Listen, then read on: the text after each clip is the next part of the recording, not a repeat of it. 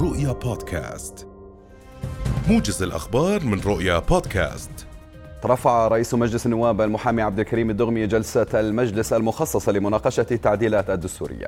وجاء قرار الدغمي بتأجيل الجلسة إلى يوم غد بعد عراك بالأيدي بين عدد من أعضاء المجلس. هذا وأثارت مداخلة رئيس اللجنة القانونية عبد المنعم العودات في الجلسة التشريعية المنعقدة لمناقشة التعديلات الدستورية حفيظة عدد من النواب تحت القبة. قال وزير الصناعة والتجارة والتموين يوسف الشمالي إن الوزارة تعمل حاليا على تنفيذ مشروع تبسيط وترخيص الأنشطة الاقتصادية وذلك ضمن تطوير منظومة التسجيل والترخيص للأنشطة الاقتصادية. وأضاف الشمالي أن المشروع يهدف إلى إنشاء نافذة واحدة لترخيص وتسجيل الأنشطة الاقتصادية وتسهيل الإجراءات المرتبطة بالترخيص وتسريع عملية منح الموافقات فضلا عن توفير قائمة بالإجراءات والمتطلبات والشروط اللازمة لكل نشاط اقتصادي وإيجاد آلية واضحة للتدقيق اللاحق.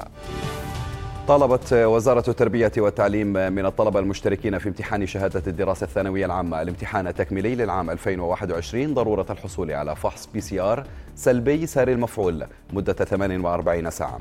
وقالت الوزارة في بيان وصل رؤية نسخة عنه. إن على الطلبة الذين لم يتمكنوا من تلقي أي جرعة من اللقاح المضاد لفيروس كورونا أو ممن تلقوا جرعة واحدة فقط إظهار الفحص للمعنيين وذلك للسماح لهم بدخول قاعة الامتحانات. أفاد مراسل رؤيا في سوريا أن محيط مرفأ اللاذقية تعرض فجر هذا اليوم إلى قصف صاروخي إسرائيلي وقال المراسل نقلا عن مصدر عسكري إن الطيران الإسرائيلي نفذ عدوانا جويا برشقات من الصواريخ من عمق البحر المتوسط غرب مدينة اللاذقية مستهدفا ساحة الحاويات في الميناء التجاري في اللاذقية. وأشار أيضا إلى أن العدوان أدى إلى اشتعال الحرائق في المكان وحدوث أضرار مادية كبيرة ولا يزال العمل مستمر لإطفاء هذه الحرائق. أعلن البيت الأبيض أن الولايات المتحدة وروسيا ستجريان في العاشر من كانون الثاني المقبل محادثات تتناول ملفي مراقبة الأسلحة النووية والأزمة الأوكرانية.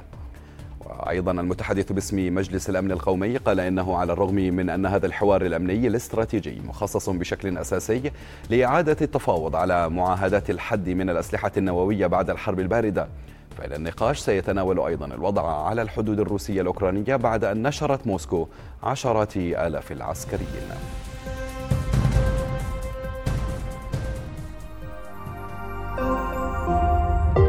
رؤيا بودكاست.